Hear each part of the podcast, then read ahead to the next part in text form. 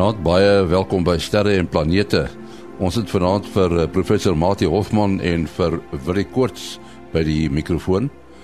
En uh, ons gaan eers luister na 'n ruimtenuus wat geskryf word deur Herman Turin in Bloemfontein.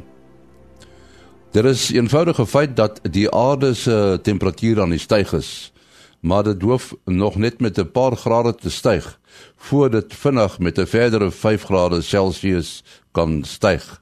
Dit is 'n gevolgtrekking van 'n span wetenskaplikes wat na die oorsake en gevolge van so 'n aardverwarming 55 miljoen jaar gelede ondersoek ingestel het. Die navorsers van die Universiteite van Hawaii en Utrecht het ook vasgestel dat hierdie periode so wat 175 000 jaar lank geduur het, veel langer as wat voorheen gemeen is. Dit staan as die Paleocene-Eocene termiese maksimum of PETM bekend. In daardie stadium was die tropiese gebiede veel meer uitgebrei as nou en die poolkappe ysvry. Die situasie is gerigsteen deur 'n geringe verandering in die aarde se wentelbaan om die son. Die gewoonlik byna 'n sirkelvormige wentelbaan het destyds effens afgeplat. Die verandering in die aarde se wentelbaan was egter nie alleen verantwoordelik vir die aarde se verhitting nie. Dieselfde faktore wat nou die aardverwarming dryf, het destyds bestaan, maar die wentelbaanverandering het na die proses reeds stadig in werking was, dit 'n skop in die versneller gegee en vinnig met nog 5 grade warmer laat word. Dit het tot groot verandering van lewe op aarde gelei. En dan uh, ons volgende berig handel oor Dr. Japie van Sail wat 'n baie hoë toekenning by NASA gekry het en ek het na die toekenning aan hom gemaak is het ek uh, met hom gesels oor die toekenning. Vertel net vir ons Jappie waar waar kom dit neer? Uh Henny die uh die toekenning wat ek gekry het is NASA se sogenaamde Distinguished Public Service Medal. Dit is die hoogste toekenning wat NASA vir iemand wat nie in die regering is gee nie. En ek het dit gekry vir die feit dat ek ehm um, oor my loopbaan meer as 20 uh, NASA sending suksesvol gelei het en um, en uh, sendings en instrumente wat op NASA se sendings gevlieg het. En uh, mens vra altyd die vraag, uh, jy het waarskynlik nie verwag nie. Nee, glad nie, het ek dit nie verwag nie en jy weet dit is natuurlik nou baie lekker om uh, om sulke erkenning van jou uh, medewerkers te kry by NASA. Maar uh, vir my natuurlik die uh, groter prestasie sal wees as as ons mense met uh, met jou program en so aan kan inspireer sodat ek op die ouend ander jong mense kan sien wat ook hierdie prestasie kan behaal. Uh, is daar ander belangrike mense wat al ook die prestasie behaal het in die verlede? Ja, die die uh, soos ek sê, dit is die hoogste toekenning wat NASA doen so mense soos uh, Neil Armstrong en Buzz Aldrin en so aan het ook uh, hierdie um, hierdie toekenning gekry as ook die vorige uh, direkteure van uh, die Jet Propulsion Laboratory. Ja, baie geluk weer eens ook hier van uh sterre en planete, een van ons spanlede wat hierdie ongelooflike eer te beurt geval het. Dr. Japie van Sail. Uh, wil ek ek wil net vir jou vra, jy weet, uh mense kyk nou na die voorwerpe in die ruimte en dan sien jy baie van die name van die voorwerpe het Arabiese name, jy weet Aldebaran en ek weet nie of Betelgeuse ook 'n Arabiese naam is nie, maar uh wie op die ou end gee die goed die name? Ja, dis eintlik 'n lang antwoord, maar as mense 'n kort antwoord soos jy sê, die die die die oorspronklike name van die planete selfs en dan nou van die sterre van die goed kom natuurlik baie ver terug, so dit is dit is maar alle name waarmee ons hulle gekry het, kan jy kan jy maar amper sê. Ja, omtrent so 300 tot 350 uh, van die helderste sterre het natuurlik name en um en soos ek sê dit is maar meest meestal histories en en baie soos jy sê kom met die Arabiese Arabiese name en dan ook uh uit die ding selfs die Griekse mitologie. En dan en dan uh, was daar ook natuurlik omdat die mense uiteindelik uit name uit hardloop vir al die sterre as jy elke ster 'n naam wou gee dan dan sou dit nogal gelol het om om, om tred te hou daarvan. So uh, uh, wat sterrekundiges gedoen het is hulle het ander stelsels begin uh, begin instel. So uh, ek meen ons het al gehoor van Alpha Centauri en dit is die die uh, die die sogenaamde Bayer-stelsel.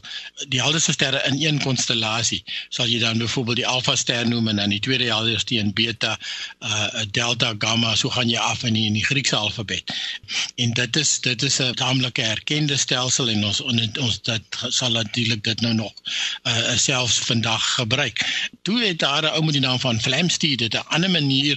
Hy het byvoorbeeld gesê, "Maar kom ons nommer die sterre." Nou raak die uh, Griekse alfabet ook te, te min en um, en dan in 'n sekere konstellasie sal hy dan die sterre begin nommer um, sê maar van oos na wes en uh, uh bege bekende goed wat mense wat uh, uh veral hierdie suidelike halfrond uit is, is 47 Tukane is byvoorbeeld die 7de 47ste ster in hierdie stelsel en dis ook nie eintlik 'n ster dis eintlik 'n 'n sterrebondel maar dit lyk soos 'n ster met die blote oog uh in die in die Tukan in die in die konstellasie van Tukane.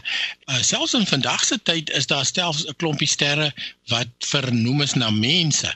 Um nou die be bekendste is miskien Barnard Star en en dit is 'n sterrekundige uh E. E. Barnard wat ontdek het dat dit is die ster wat die vinnigste teen die agtergrond hemel beweeg en en vandag het hy bane staan. Um miskien sal mense nie besef nie daar's 'n ster met die naam van Cor Carol Caroli. Cor Caroli. Dit is eintlik uh vernoem na uh, King Charles van Engeland.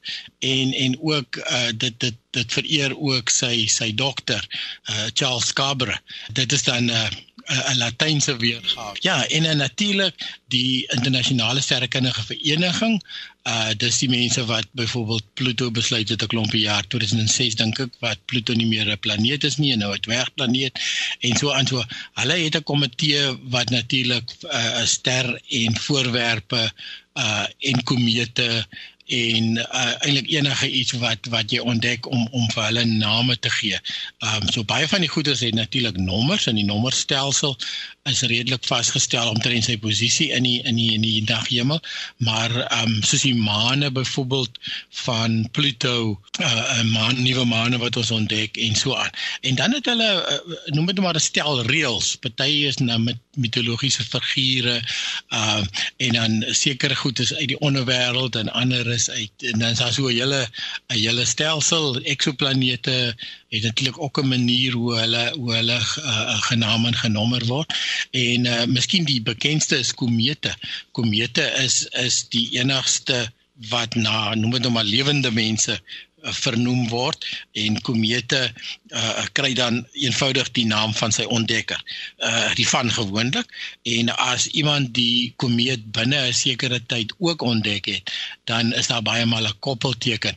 So ons kan byvoorbeeld uh, dink aan komeet uh, komeet Shoemaker-Levy wat op Jupiter ingeval het destyds da, daar is baie um van hierdie projekte deesdae wat die goed outomaties ontdek word en en daarom sal jy baie maal 'n uh, komeet sien met die met die naam van van die projek. Ek kan nou nie so vinnig hier aan 'n aan 'n voorbeeld dink nie. Ja, so dit is in breë trekke hoe hoe hoe goeters 'n name kry en daar is 'n amptelike manier die die internasionale sterrekundige vereniging is die enigste mense wat regtig die name toeken.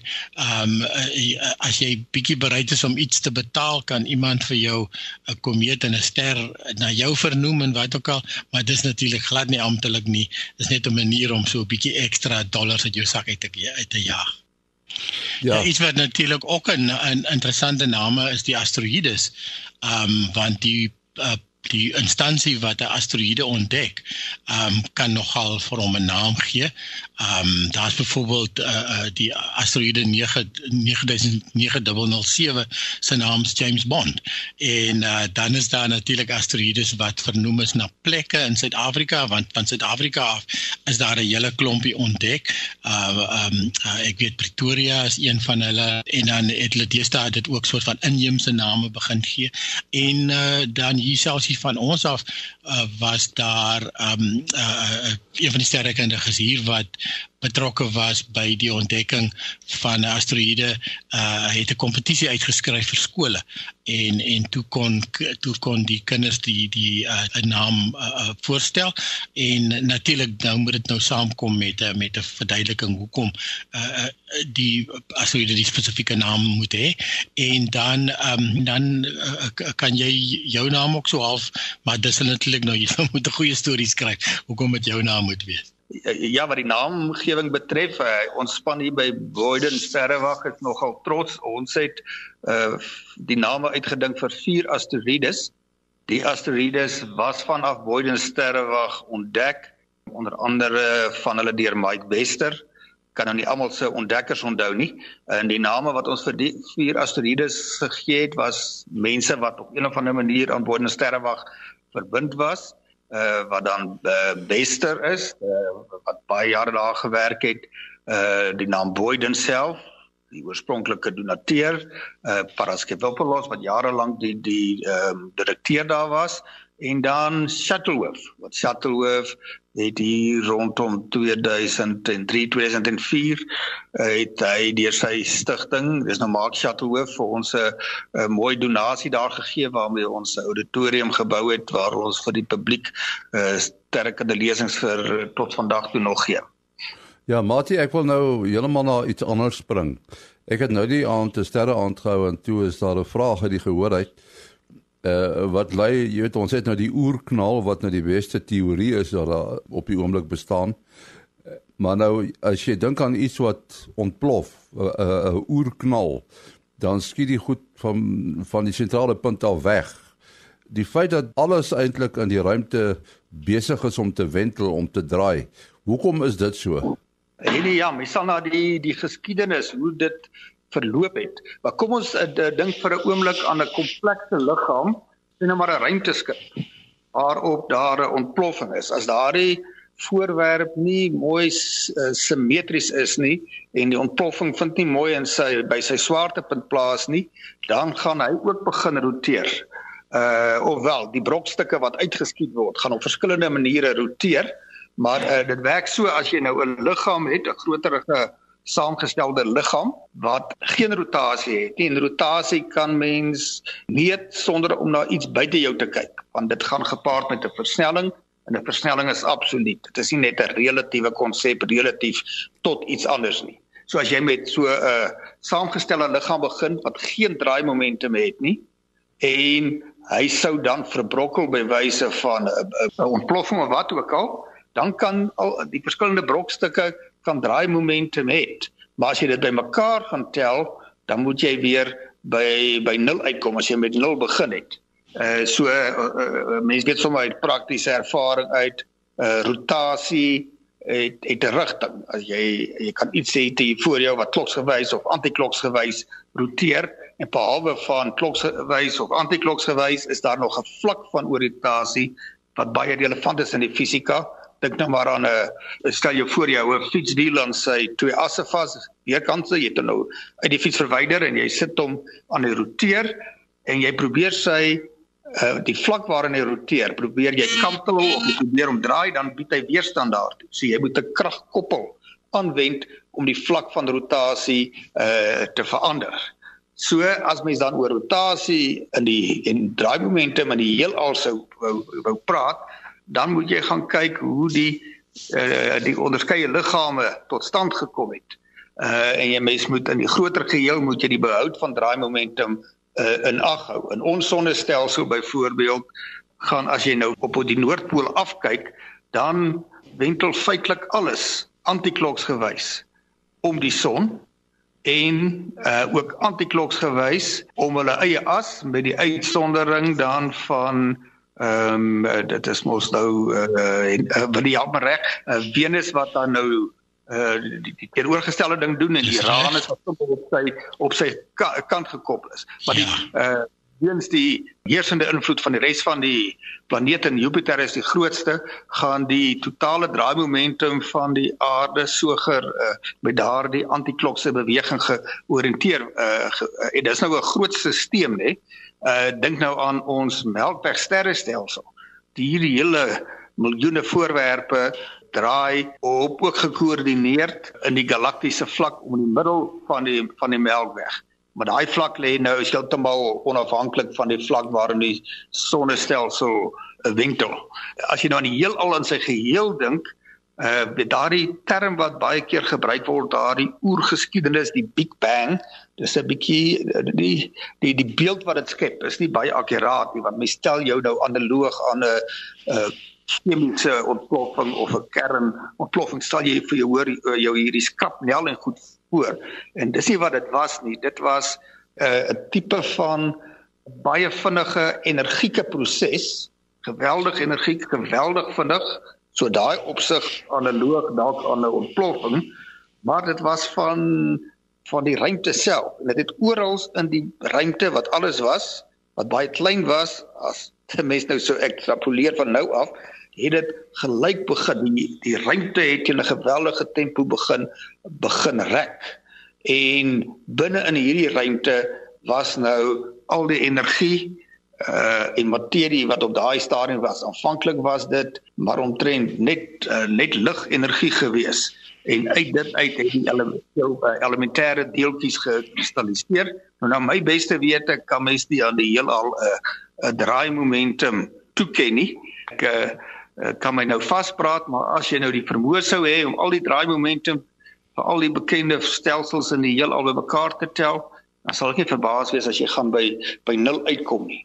Maar uh dit geld vir die geheel. Die individuele dele kan uh rotasie hê en dit gaan nou daaroor hoe hulle nou gevorm het. En as een stelsel sou opbreek dan kan die en hy het geen draai momentum gehad het nie kan die een deel draai momentum in een rigting hê en die ander een kan draai momentum in die ander rigting hê. Ja ons het 'n gereelde stroom briewe wat uh, hier na ons toe kom. Tuis Branders is 'n ou wat nogal gereeld skryf maar hy wys ons daarop dat uh, Ons het sy vraag nie heeltemal mooi beantwoord nie. Dit was iets met magnetisme en swaartekrag.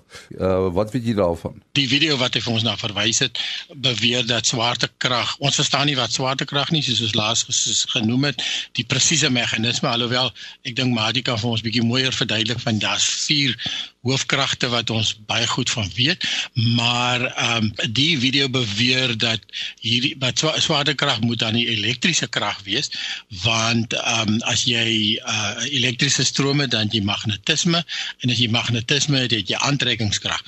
En en daarom moet swaartekrag magnetisme wees of dan elektries uiteindelik. Nou ek is bevrees uh as jy dit so wil uitwerk vir jouself, dan moet jy ook gaan kyk nou hoe gedra uh, magnetisme homself normaalweg of elektriese krag dan nou ehm um, die magnetisme wat ons ken of elektriese krag moet in 'n geleier voorkom en dan moet beweging wees. Okay, die beweging gaan natuurlik nou die die die krag wees. Maar uh, jy kan dit eintlik baie maklik toets vir jouself en ons sê natuurlik enige iets wat wat massa het het swaartekrag en en dit is die formules wat waarop ons swaartekrag gebaseer is en en ons verstaan dit heeltemal soos ons laas keer verduidelik het. Nou as jy dit nou wil wil aan elektrisiteit koppel of of aan aan magnetisme, dan behoort jy mos sê maar jy staan nou op 'n skaal en jy het hier 'n 'n taamlike kragdraad net hier bo kan jou kop.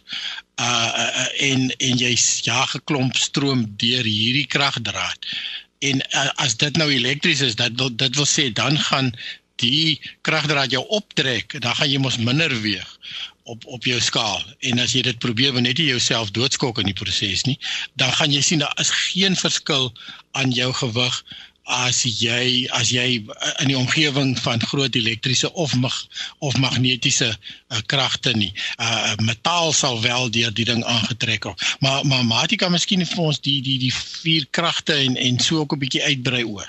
In die fisika word daar vier fundamentele kragvelde onderskei.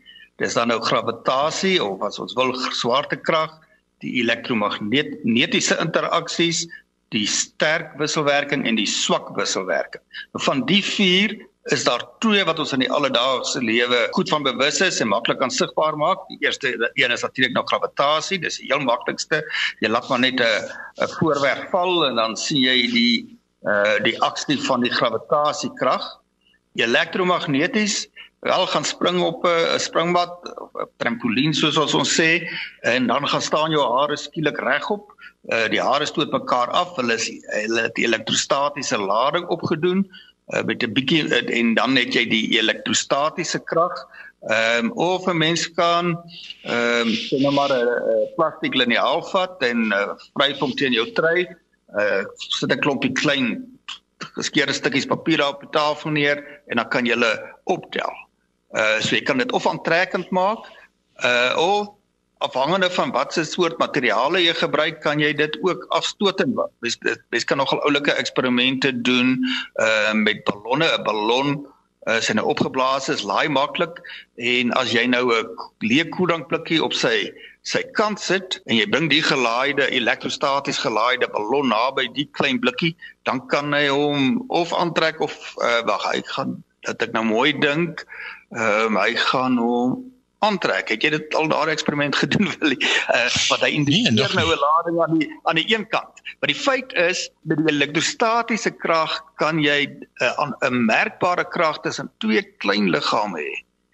Maar wat gravitasie betref, is eintlik 'n baie swak krag in vergelyking met die elektrostatiese krag en nou een groot behalwe van die sterkte van die van die kragveld, 'n belangrike verskil tussen gravitasie en elek elektriese is gravitasie is altyd aantrekkend terwyl die uh uh elektromagnetiese interaksies kan aantrekkend of afstotend wees. So mens moet daardie onderskeid in gedagte hou.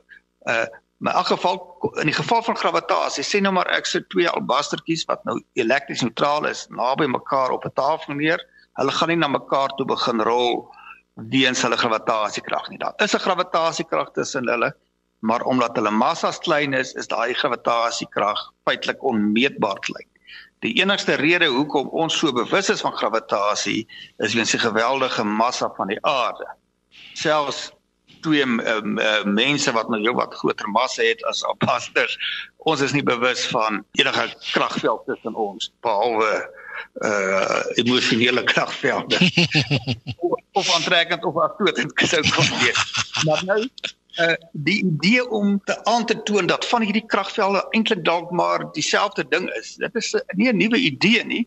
Uh so uh, as Thys nou 'n bietjie wil goed voel oor homself in 1979 het drie beroemde fisici, Sheldon Glasgow, Abdus Salam en Steven Weinberg het hulle die Nobelprys in fisika ontvang want hulle het aangetoon dat die elektromagnetiese kragveld en die swak of die electroweak as ek nou Engels eh, ja, die term gebruik op 'n uh, bepaalde skale tot een kragveld verenig. En daar is die idee in die fisika dat in bepaalde omstandighede waar jy met 'n baie digte, baie warm stelsel het, soos wat daar in die oer heelal moontlik sou kon bestaan, dat hierdie vier krag kragte in die natuur verenig na mekaar. Teoreties weet hulle nie hoe om dit te doen nie omdat die gravitasie se uh, mees suksesvolle teoretiese beskrywing soos wat Einstein dit aan ons nagelaat het by wyse van uh, materie die dat die gravitasie eintlik maar is dat weens massa materie die ruimte uh, vir die ruimte vertel ruimte tyd vertel of bepaal hoe dit moet buig en die gebuigde ruimtetyd vertel weer vir materie hoe dit moet beweeg. Dit is die interpretasie daarvan. Terwyl die ander drie, die sterk, die elektromagneties wat 'n magnetisme ook insluit en dan die uh, swak wisselwerking in hulle teoretiese beskrywing het hulle almal fundamentele deeltjies wat die, wat die kragte aktiveer. Dis bewyse van uitruiling van deeltjies tussen die groter deeltjies wat dan die krag ondervind. En daar in die geval van die elektromagnetiese interaksie is dit fotone uh wat onderling uitgeruil word. So het elke kragveld ehm um, hulle fundamentele deeltjies. Nou die daar's 'n hipotetiese deeltjie vir gravitasie, gravitone Eh maar dit is heeltemal net spekulasie, daar's nog nie so iets gevind nie. So dis nou maar 'n uitstaande probleem in die fisika om te kyk of hulle een verenigde teoretiese raamwerk vir al vier kragvelde daar kan gee. Uh dis net miskien nog belangrik om net so ietsie meer van die sterk wisselwerking te gee. Die sterk wisselwerking is ons nie in die alledaagse lewe van bewus nie behalwe by wyse van radioaktiwiteit wat so klein wat ook waarby ook die swak wisselwerking betrokke is. Die die sterk wisselwerking hou die atoomkerne bymekaar en dit werk dit op 'n baie kort skaal. So selfs die GBC hoef nie eintlik vreeslik baie van die kernkragte uh, te wees te weet nie. Hulle is gemoeid met die feit dat die atoomkern positief is en buite hom beweeg die negatief gelaaide elektrone, so dis in die domein van die uh, elektromagnetiese wisselwerking. So die die kernkrag het 'n baie kort reikwyse buite, maar is ook baie sterker daar wil dit wel laat geld om die protone en neutrone en atoomkerne bymekaar te hou. Jy kan nou dink die protone wat mekaar afstoot word nou in 'n geweldige klein ruimte saamge gedruk en nou praat ons van 100 duisendste van 1 10 miljoenste van 'n millimeter. Dis die grootte van atoomkerne.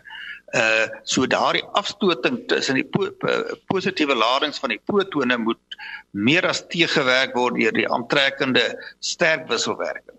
Die netto effek daarvan is dat die uh skaal van energie binne die atoomkern 'n miljoen maal groter is as in die geval van van die chemie waar ons met atome en molekule werk. En dit is hoekom kernenergie dan die aard het wat dit het om geweldig gekonsentreerd te wees. Jy het 'n klein hoeveelheid kernbrandstof nodig om 'n groot hoeveelheid energie te kan vrystel. En gelukkig vir ons is dit baie moeilik om dit te kan doen. Anders sê die mense tog al om self al lankal vernietig deur kernontploffings. Ons moet afsluit. Uh mate jou besonderhede. 'n Selfoonnommer 083 625 7154. 083 625 7154. En dan wat? Is 0724579208 by e-posadres maas.henny@gmail.com maas.henny@gmail.com tot volgende week. Mooi loop